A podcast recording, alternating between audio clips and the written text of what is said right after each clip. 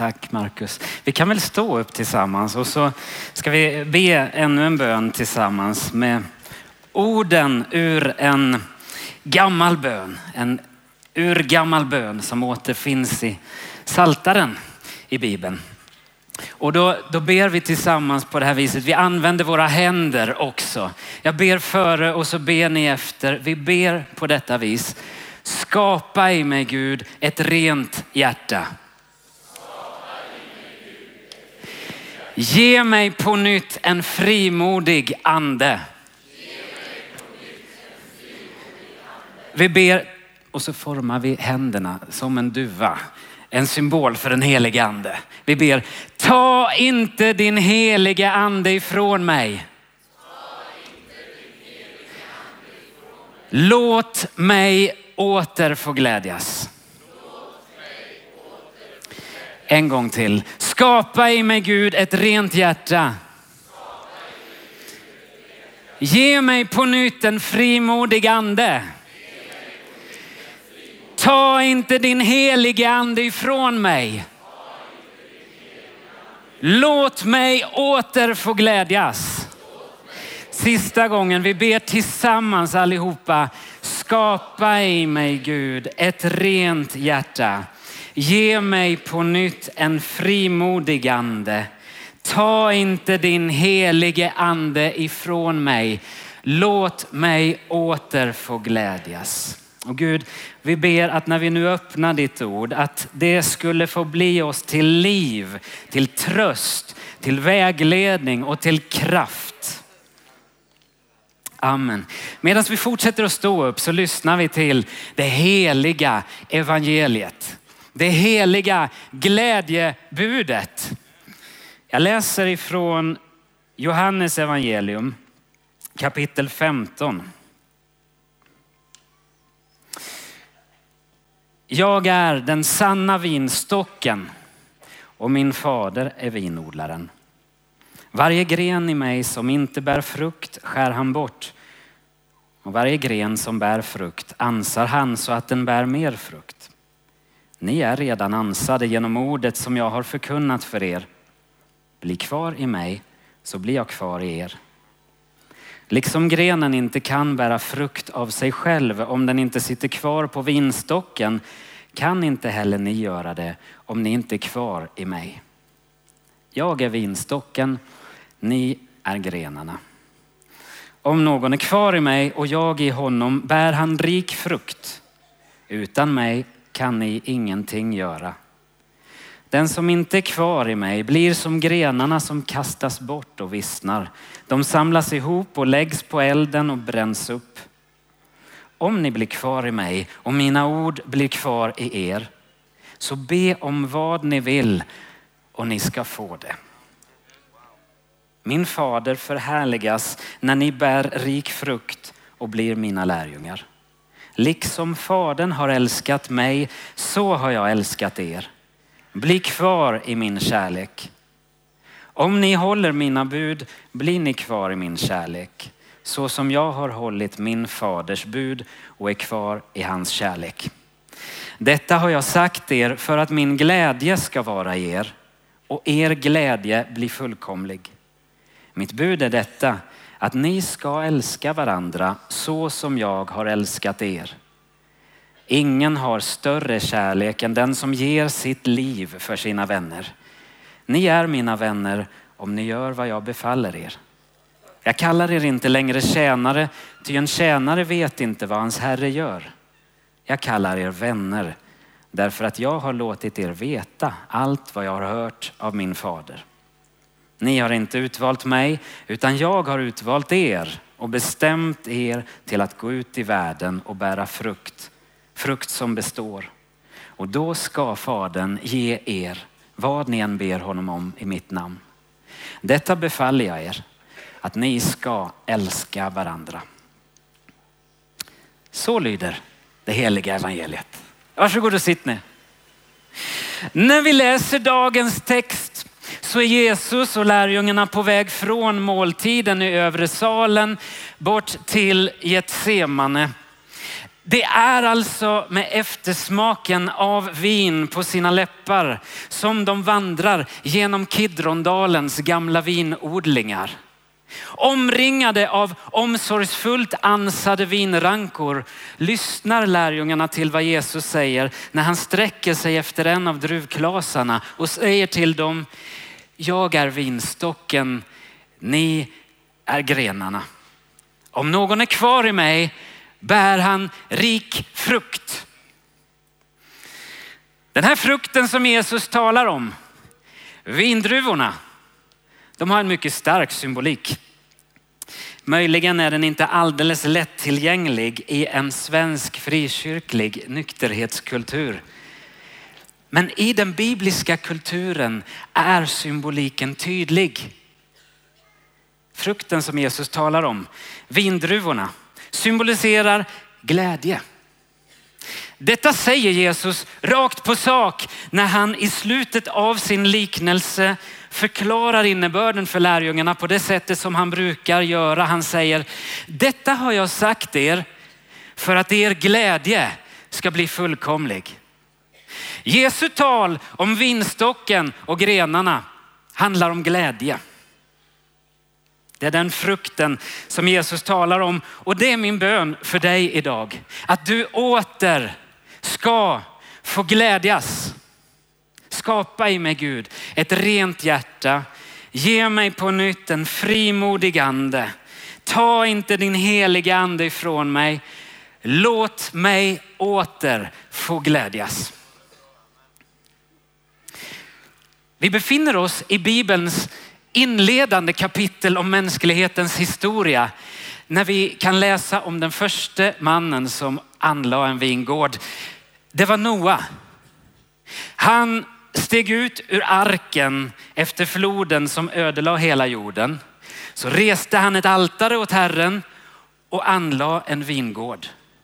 Som en symbol för hoppet, för framtidstron och glädjen över den nya mänskligheten som nu skulle växa fram.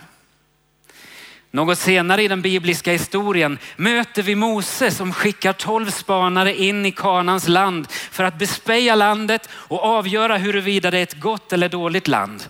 De får uppmaningen att ta med sig något av det som växer i landet.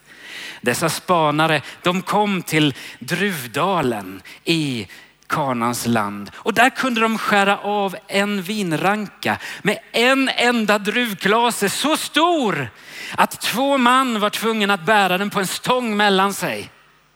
Som en symbol för hoppet, framtidstron och glädjen över det nya hemlandet som låg framför dem. Kolla på den här bilden. Här ser du judiska skördarbetare som tar hand om druvorna på vingården Carmel Winery. Den här bilden är fotograferad under skörden 1939. Det vill säga troligtvis under juli eller augusti månad när frukten var mogen. Då skulle alldeles snart Tyskland komma att invadera Polen, vilket markerar andra världskrigets utbrott. Man kan undra vad som rör sig i tanken hos de här judiska skördearbetarna. Kände de av oron? Tillsammans med många andra bar de på drömmen om en egen judisk stat. Den här vingården var grundad av baron Edmund Rothschild 1882. Det var ett av de första jordbruken som anlades utifrån den sionistiska drömmen om att öknen skulle börja blomma. Rothschild själv, grundaren, han dog redan 1934. Men hans organisation den finns fortfarande kvar. Och faktum är att på den här vingården så lyckades man upprätthålla vinproduktionen under de båda världskrigen. Rothschild dog 1934 men när hans kvarlevor skeppades tillbaka till Israel 1954 då hedrade man hans minne. Man sköt salut med 19 salvor och arrangerade en statsbegravning för att hedra honom. Och i Tel Aviv har man uppkallat boulevarden där självständighetsdeklarationen skrevs under 1948 efter honom, Rothschild Boulevard. Israels första premiärminister lovordade Rothschild och sa om honom, det går inte att hitta en man jämförbar med baron Edmund Rothschild i hela den judiska diasporan, det vill säga en period på 2000 år. Han grundade det judiska samhället i vårt förnyade hemland. Ser du hur vinodlingen kommit att bli en stark symbolik under hela den judiska historien som förmedlar hopp, framtidstro och glädje över riket som ligger framför. Och det är mycket intressant att läsa hur Jesus börjar sin offentliga tjänst i samband med vinundret på bröllopet i Kana. Som för att markera att nu skulle det nya riket, Guds riket bryta fram med hopp, framtidstro och glädje. Och liksom Jesus inleder sin offentliga tjänst genom vinundret i Kana så avslutar han nu sin offentliga gärning genom att promenera genom Kidrondalens vingård där han talar om vinodlaren, hans himmelske far som vill skänka hopp och framtidstro och glädje. Det ligger ett nytt rike framför oss. Det ligger en ny tid framför oss. En stor glädje väntar oss och den glädjen kan vi njuta av redan idag. Låt oss titta närmare på vinstocken som Jesus talar om.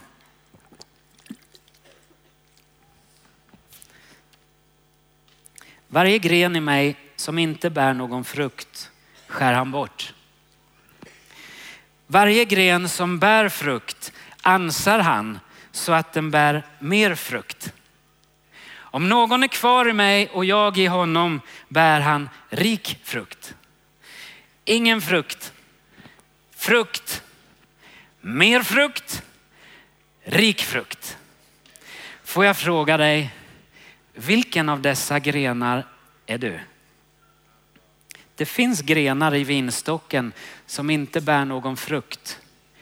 Man kan vara kristen, leva i Kristus i vinstocken och ändå brottas med upplevelsen av utebliven glädje. Idag talar jag om verklig glädje. Jag talar inte om ruset, upphetsningen som man kan stimulera fram på olika sätt. Jag tänker att ibland har vi svårt i vår rörelse att se skillnaden mellan upphetsning och verklig glädje. Det är möjligt att röra sig en hel vecka på en uppbyggelsekonferens och känna ruset, upphetsningen som kan uppstå i en sån här miljö. Men ändå inte veta av verklig glädje. För upphetsning och glädje är inte samma sak. Upphetsning ebbar ut och försvinner. Glädje är någonting som förblir, som dröjer kvar, som består. Upphetsning, det kan man manipulera fram som en produkt. Men glädje, det måste växa fram som en frukt och det är stor skillnad på produkt och frukt. Verklig glädje har ett synligt lövverk, ett uttryck, men också djupa rötter. Glädje utan rötter är som grenar utan en stock. Och Jesus säger så här till oss, detta har jag sagt er för att min glädje ska vara i er. Jesus talar om sin glädje. Herrens glädje ska vara i dig och er glädje ska på det viset bli fullkomlig. En glädje som kommer upp ur källan, ur rötterna, ur stocken Jesus. Hebreerbrevet 1 och 9 säger om Jesus, han var smord med glädjens olja mer än sina bröder. Han som kom för att visa oss hurdan Gud verkligen är var smord med glädjens olja mer än sina bröder. Han som kom för att visa oss hurdan Gud är, är den gladaste person som någonsin vandrat på våran jord. Gud är en glad Gud. Glädjen verkar vara själva drivkraften för Jesus. Det heter ju om honom, för att vinna glädjen som låg framför honom utstod han korsets lidande. Gud är en glad Gud och han önskar att du ska bära hans glädje. En glädje som har sina rötter, sin källa i honom. Det heter under sång och dans ska man säga alla mina källor är i dig. Och i Judas brev, vers 24 läser vi löftet. Han förmår att ställa oss jublande inför honom. Alla skapade varelser som andas har förmågan att känna rädsla och upphetsning. Men bara människan är skapad med en förmåga att också uppleva glädje, verklig glädje. Och Gud är inte en, en husse som vill locka oss till upphetsning. Ja, kom då, kom ska du få mat.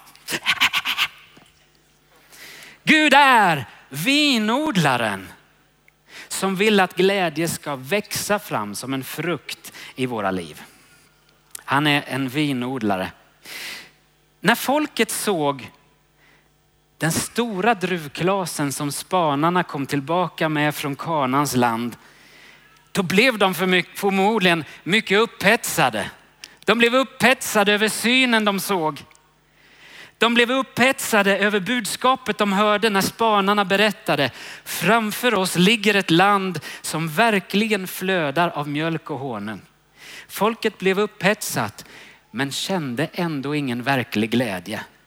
För de tog också fasta på hur spanarna berättade att de sett starka och befästa städer som man måste ta sig förbi. De hade mött ett storvuxet folk detta lyssnade folket till och istället för att känna verklig glädje så kände de skam, en känsla av underlägsenhet. De kände sig som ynkliga gräshoppor när de hörde spanarnas berättelse.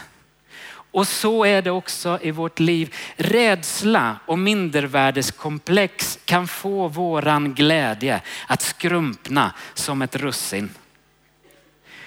Lyssna då noga hur vinodlaren behandlar grenen som inte bär frukt.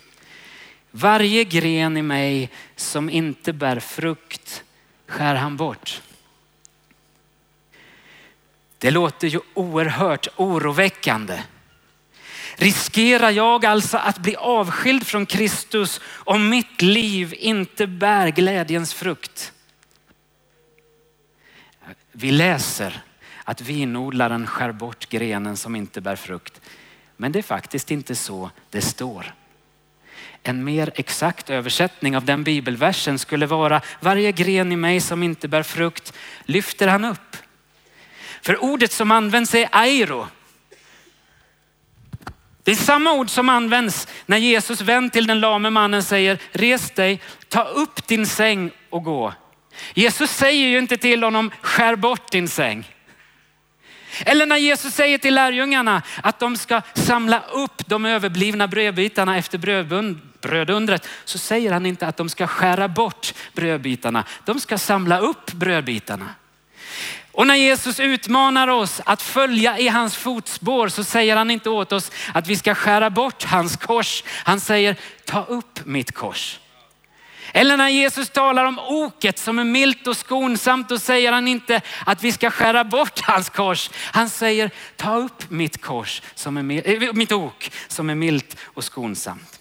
Faktum är att ordet airo aldrig någon annanstans i Bibeln eller i den övriga grekiska litteraturen översätts med just skära bort.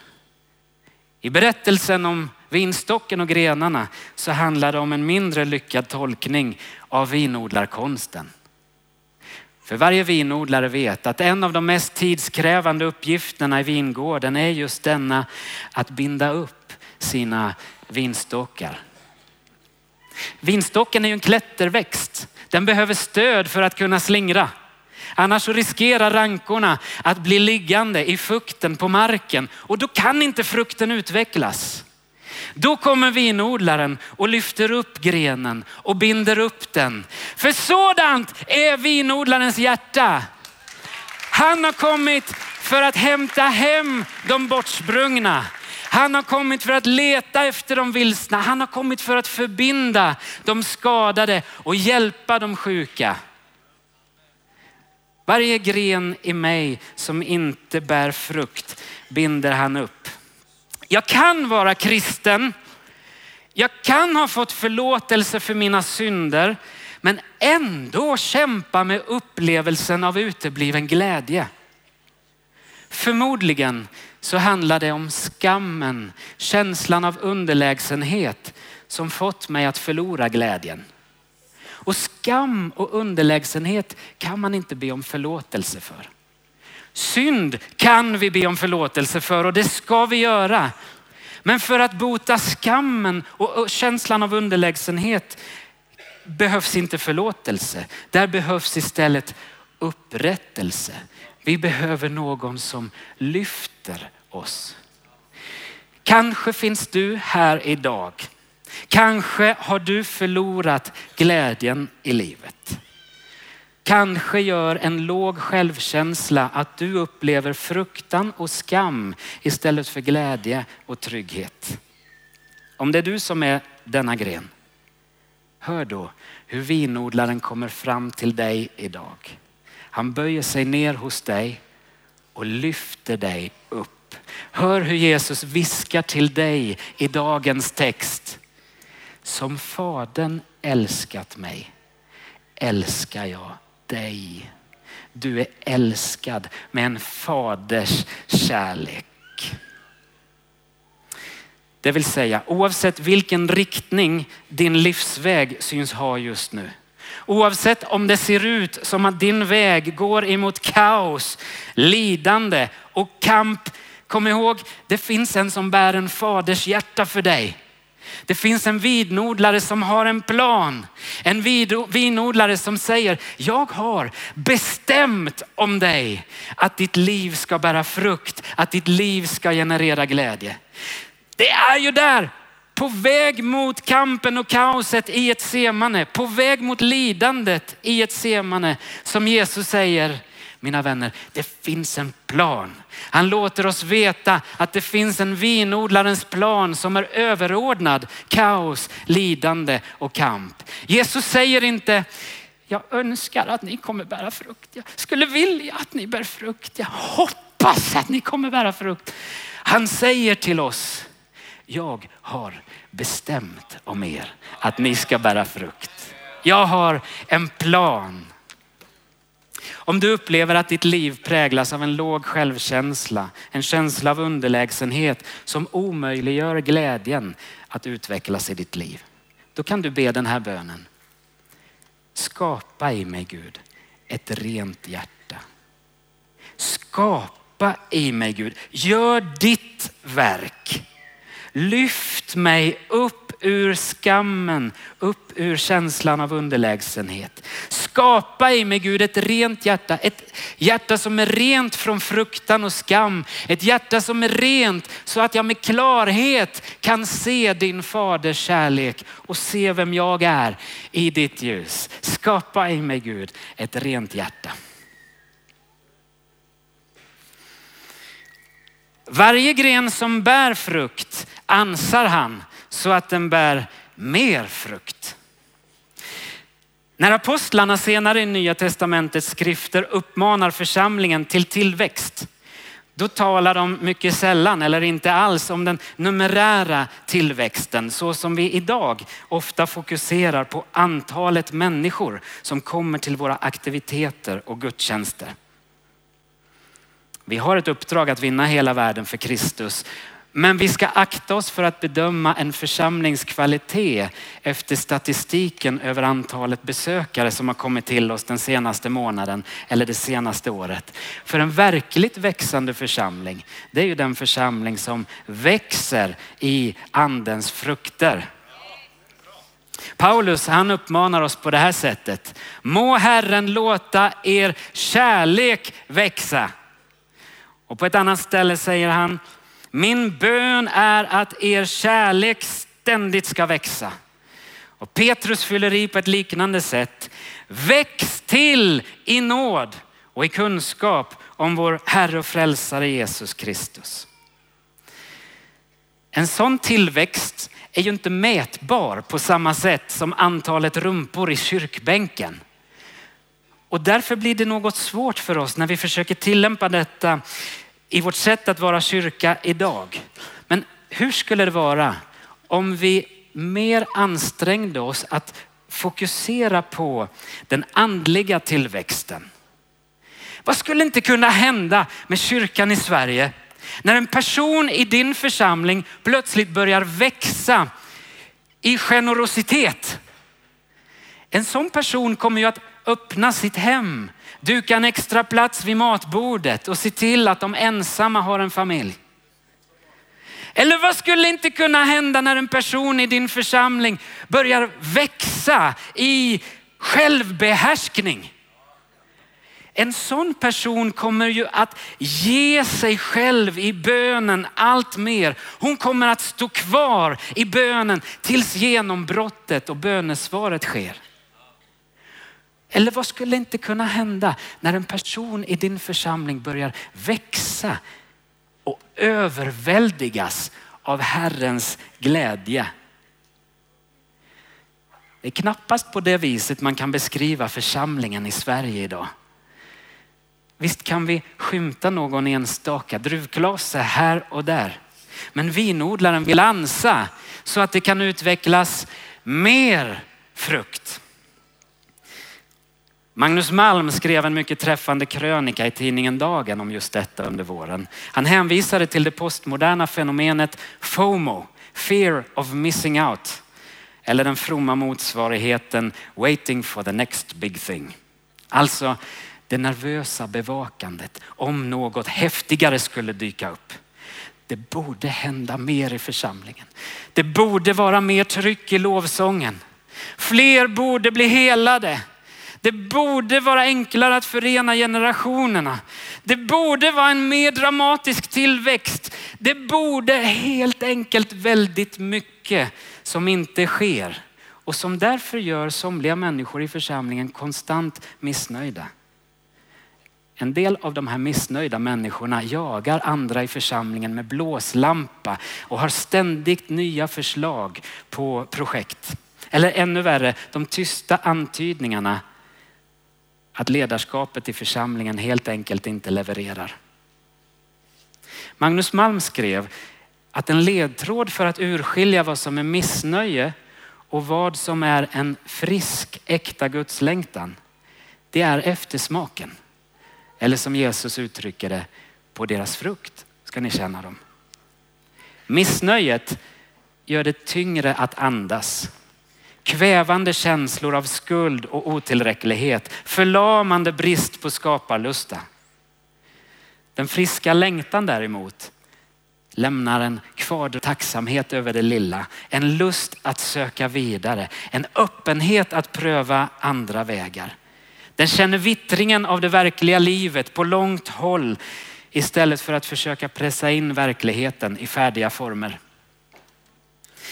Vi tenderar att lägga till så mycket till vårt kristna liv, till den första kärleken, att till slut blir grenen alldeles igenväxt av löv. Det kan vara fint, men det är frukten som räknas. Vi behöver någon som rensar, som ansar, som plockar bort löv så att ljuset kan nå ända in till den verkliga frukten. En av mina mentorer, Annette Karlsson, gav ett tips hur man kan, Eh, en, en nyckel, hur man kan förlösa den friska Guds längtan och binda missnöjet. Nyckeln är att börja ställa andra slags frågor till sig själv och till andra i församlingen. Vi ställer ju oftast frågan, vad kan du bidra med? Vad kan du göra? Vad skulle du kunna uträtta i vår församling så att vi når vårt mål av numerär tillväxt? Hur skulle det vara om vi istället frågade varandra, vem skulle du vilja vara? Vem skulle du vilja bli? Så att Guds frukt, andens frukt mera kan växa i ditt liv. Jesus antyder ju just detta när han i vingården säger den här natten till sina lärjungar. Jag kallar er inte vänner. Jo, det gör jag. Jag kallar er inte tjänare. Jag kallar er. Jag är inte intresserad av vad ni kan göra. Jag är intresserad av vilka ni är. Jag kallar er för jag vill dela mitt hjärta med dig. Jag vill dra dig nära mig. Jag vill dela mitt innersta med dig. Jag vill låta dig veta och lära känna min faders hjärta, vinodlarens hjärta. Jag kallar er den senaste månaden har jag mer medvetet försökt att pröva detta i möten och sammanträden med olika arbetsgrupper i vår församling. Istället för att fråga våra ungdomsledare, hur ska vi lägga upp arbetet till hösten? Vad kan ni uträtta? Vad kan ni bidra med? Så frågade jag, vem skulle du vilja vara i höst? Vilken slags ledare skulle du vilja bli? Den frågan kräver en stunds bön och eftertanke. Men sen kommer de mest fantastiska svar. Jag fick höra, jag skulle vilja bli en ledare som mer lyssnar till ungdomarna.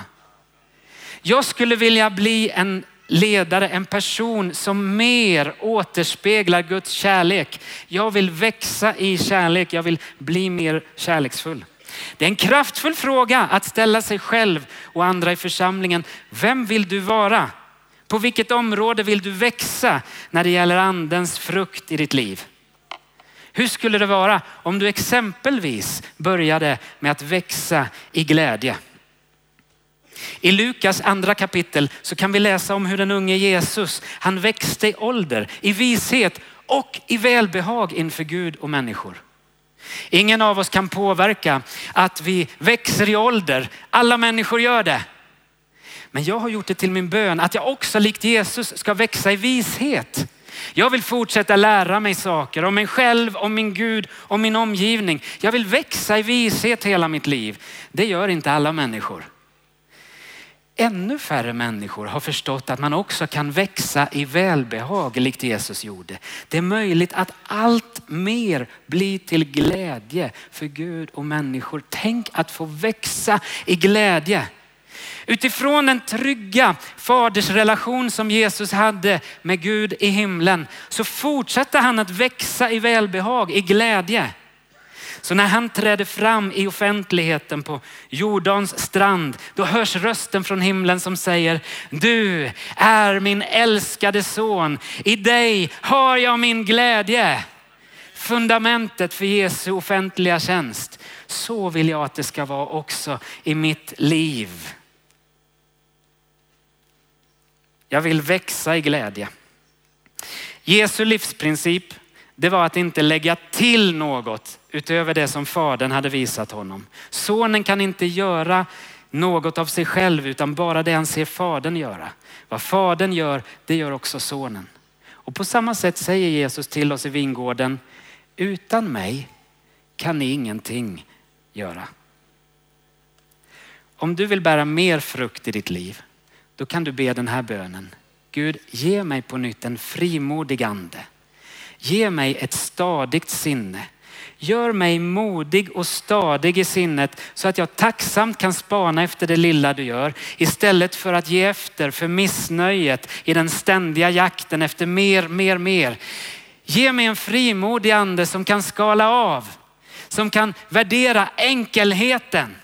Ge mig en frimodig ande och ett stadigt sinne. Skapa i mig Gud ett rent hjärta. Ge mig på nytt en frimodig ande. Ingen frukt, frukt, mer frukt och så rik frukt. Gud är det överflödande livets Gud. Jesus säger, jag har kommit för att ge er liv, ja liv i överflöd. Jag tänker att den mest förekommande frasen i vår lovsång och tillbedjan idag, det måste ju vara, du är stor Gud, vår Gud är stor och så olika variationer på det temat. Så sjunger vi om och om igen. Du är stor Gud. Men tror vi verkligen det? Gud är stor på riktigt. Det finns mer att upptäcka av honom. Det finns mer att upptäcka av glädjen i Herren. Men vi har så bråttom när vi umgås med Gud och så vill vi dra vidare. När vi tycker att vi har lärt oss någonting om Gud, då vill vi dra vidare och lära oss någonting nytt, någonting annat. Men hur skulle det vara om vi istället dröjer kvar en stund. När vi tycker att vi har lärt oss någonting om Gud, när vi tycker att vi har lärt oss en del om Herrens glädje, när vi tycker att vi inte kan betrakta varken oss själva eller vår församling som särskilt dyster. Nu, finns, nu, måste vi lära oss någonting nytt. Hur skulle det vara om vi då dröjer kvar lite grann vid den sanningen? Om vi säger till den helige ande, du har visat mig en del om glädjen i dig. Tack för glädjen i dig. Nu är min bön helige ande att du ska visa mig ännu mer. Nu är min bön att du ska leda mig ännu djupare in i den här sanningen. Jag vill lära mig mer om glädjen i dig och när jag lärt mig mer om glädjen i dig, då vill jag sträcka mig ännu längre. Ta inte din heliga ande ifrån mig. Jag släpper inte dig heliga ande förrän du leder mig djupare in i sanningen om Gud. En pastorskollega, Samuel Klintenfeldt, han gav tipset om du får lust att stryka under ett bibelord när du läser i skriften, då är det förmodligen den helige ande som lockar på din uppmärksamhet. Den helige ande som vill lära dig någonting här. Om du får lust att stryka under ett bibelord när du läser i, i Bibeln, då är det sista du ska göra att stryka under bibelordet du läser. För då tenderar du att hasta vidare, att gå till nästa bibelpassage och läsa vidare. Nej, när du får lust att stryka under ett bibelord i Bibeln, då är det tillfälle att be, hej helige ande. Vad är det du vill visa mig här? Led mig längre in. Hjälp mig att bli kvar i ordet som du har gett mig. Hjälp mig att dröja kvar. Öppna ordet för mig. Låt det sjunka in. Och så säger Jesus till oss. Om mina ord blir kvar hos er, då kan ni be om vad ni vill och ni ska få det. Så säger Jesus i vingården. Han påminner lärjungarna om vad han redan har undervisat dem om när han predikade vid sjön. Då sa han, den som hör ordet och tar det till sig bär frukt 30-falt, 60-falt och 100-falt. Ordet falt är ett äldre ord som betyder väck. Jämför med engelskans fold. 30-fold, 60-fold, 100-fold. Räknesättet som Jesus använde sig av kallar vi idag för exponentiell tillväxt. Vi är ganska dåliga på att reagera på det sättet att tänka, för vi tänker oftast utifrån en linjär ökning och tillväxt. 1, 2, 3, 4, 5, 6, 7, 8 och så vidare. Exponentiell tillväxt däremot börjar mycket långsamt, men sedan händer någonting dramatiskt. En ökning som snabbt stiger iväg. Exponentiell tillväxt Titta på detta papper. Ett vanligt pappersark som mäter ungefär en tiondels millimeter i tjocklek. Hur många gånger behöver man vika detta papper på mitten för att få en pappersbunt som är lika hög som avståndet från jorden till månen? Och den här sträckan den är 384 000 kilometer. Mitt pappersark är 0,1, eh, eh, en, en tiondels millimeter tjockt.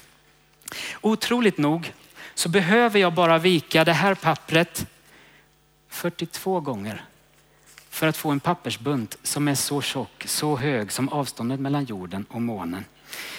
Man kan inte vika ett papper mer än åtta gånger, men om jag skulle kunna det, då räcker det med 42 veck för att få en pappersbunt som är så hög. Titta här. När jag börjar så har jag ett pappersark som är en sida tjock. När jag viker det en gång på mitten, då har jag två sidor. Och sedan när jag viker en andra gång, och här är nyckeln, då har jag inte tre sidor utan fyra sidor. När jag sedan veck, vecklar pappret, pappret en tredje gång så har jag Eh, vad har jag då? Då har jag, då har jag åtta sidor tjockt. Och, och, och, när jag viker en fjärde gång, då har jag 16 sidor. En femte gång ger mig 32 sidor och så vidare. När jag kommer till nio veck, då har jag en pappersbunt som är mer än 500 sidor tjock. När jag kommer till 20 veck, då är min pappersbunt högre, eh, 10 kilometer. Mer än 10 kilometer högt, det vill säga högre än Mount Everest. 41 veck tar mig något längre än halvvägs till månen. Det vill säga att vid nästa veck, det 42 vecket, då är jag framme eh, vid månen.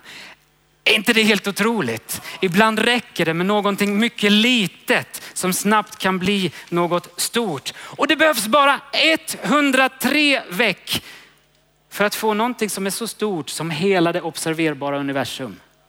Jesus säger, om någon hör mitt ord och tar det till sig bär han frukt 30-falt, 60-falt och 100-falt.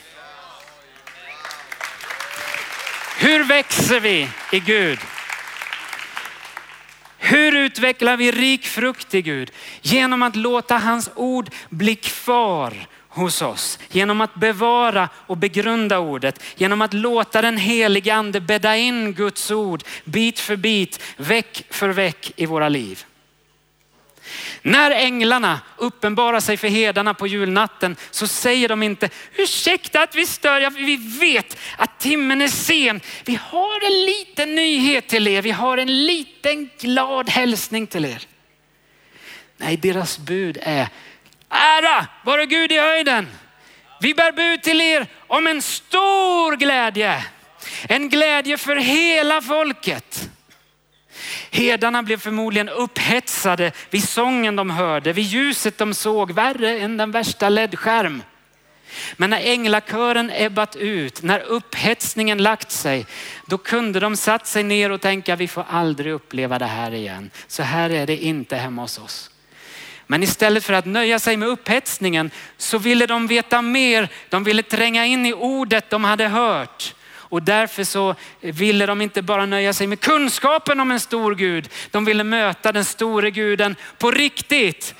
Och de möter honom i enkelheten, i det avskalade dunkla stallet bakom värdshuset i Betlehem. Där finner de den store guden.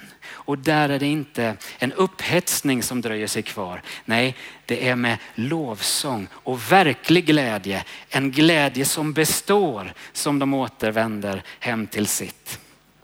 Hur ska vi vinna den rika glädjen? Nöj dig inte med upphetsningen. Låt hans ord bli kvar i dig. Okej okay, Jesus, jag vill vinna den stora, den rika glädjen. Jag vill nå den fullkomliga glädjen som du talar om. Vilket ord är det som du vill att jag ska dröja kvar vid och begrunda? Var är hemligheten? Vilket ord är det som du vill bädda in i mitt liv? Jesus kan inte vara tydligare när han i vingården säger till oss, detta är mitt bud. Detta befaller jag er. Ni ska älska varandra. Om vi låter det ordet bli kvar hos oss, då har Jesus utlovat den rika glädjen. Och jag tror att det stämmer. De gladaste personer som jag känner, det är de personer som tänker väl och talar väl om andra människor. Glädje och kärlek hör ihop. Forskarna säger vi skrattar mm, eh, 30 gånger oftare när vi är tillsammans med andra än när vi är ensamma. Skrattet knyter oss närmare varandra. Glädjen är en gåva till människorna för att föra oss samman. De gladaste personer jag känner, det är de som har beslutat sig för att älska andra människor. Och så är det med alla andens gåvor och frukter. De blir förlösta utifrån ett beslut. Det handlar inte om huruvida jag känner för att älska andra eller att vara glad. Det är ett val. Det är ett beslut att lyda Jesu befallning. Ni ska älska varandra. Jag har beslutat mig för att inte bli förnärmad av andra människor. Det är ett val jag har gjort. Visst kan jag bli sårad, visst kan jag bli ledsen. Det är en sak. Men att bli förnärmad, det är en annan sak. Jag kan välja att inte bli förnärmad när andra människor beter sig ofördelaktigt mot mig. Och det har blivit nyckeln till ett allt rikare liv för mig. Det sägs att människor ångrar, av de fem saker som människor ångrar mest på dödsbädden så är två dessa. Jag önskar att jag skulle haft en bättre kontakt med mina vänner och att jag skulle unnat mig, alltså valt att vara mer lycklig. Att älska andra, att vara lycklig, det hänger ihop. Jesus säger, om ni är kvar i mig så be om vad ni vill och ni ska få det. För när vi är i Kristus, då låter våra böner på ett speciellt sätt. Kristi bön genom oss är, låt din vilja ske. Jag ber och ger mig själv som en gåva till vår värld. Vi ber utifrån vår kärlek till andra när vi är i Kristus. Och de bönerna har möjlighet att alltid få bönesvar. För de bönerna handlar inte om vad vi själva ska få. De bönerna handlar om hur vi själva ska bli förvandlade så att vi mer kan bli till kärlek, återspegla faderns kärlek till våran värld. Där finns den rikaste glädjen. Be bönen, ta inte din heliga ande ifrån mig. Visa mig mer av din kärlek. Visa mig mer av ditt faders hjärta så att jag kan återspegla det till våran värld. När Jesus tar oss på en vandring genom vingården den här natten, då vill han visa för oss att framför oss ligger ett rike av hopp, av glädje, av framtidstro. Ett rike där Kristus är allt i alla. Ett rike där vi alla hör samman som grenar på trädet. Ett rike där vi värdesätter och älskar varandra. Ett rike där det råder fullkomlig glädje. Vi reser oss upp tillsammans. Och så ska jag göra på det här viset. Jag ska proklamera Guds ord över ditt liv, Guds löften som talar om den glädje som ligger framför oss. Den glädje som Bibeln uppmanar oss att sträva efter redan idag. Och när du hör Guds ord, ta det till dig, lyft dina händer, fatta ett beslut om att få se en rikare glädje växa fram i ditt liv. Fatta ett beslut att leva ut Guds ord. Ni ska älska varandra. Lyssna till vad Bibeln säger oss om glädjen i Herren.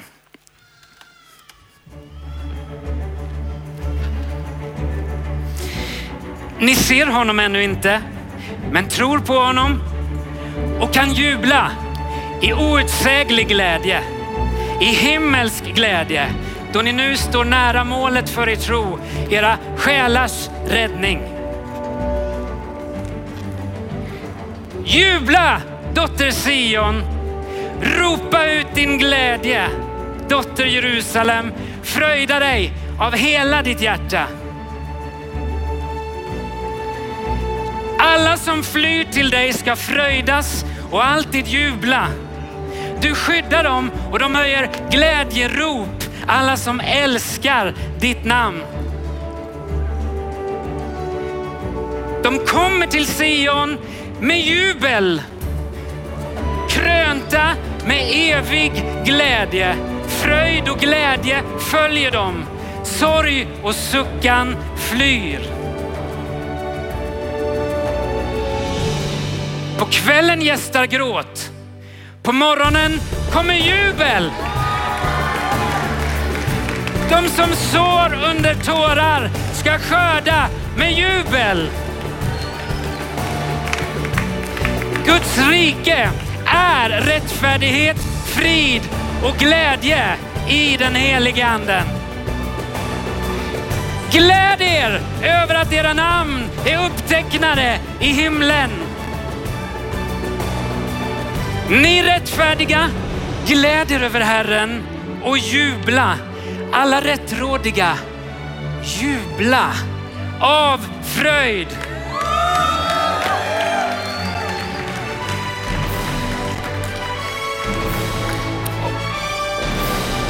Han mättar dig med glädje. Jag vill jubla över Herren, glädja mig över Gud, min räddare. Var alltid glada. Gläd er alltid i Herren. Än en gång vill jag säga, gläd er. För glädje i Herren är vår styrka.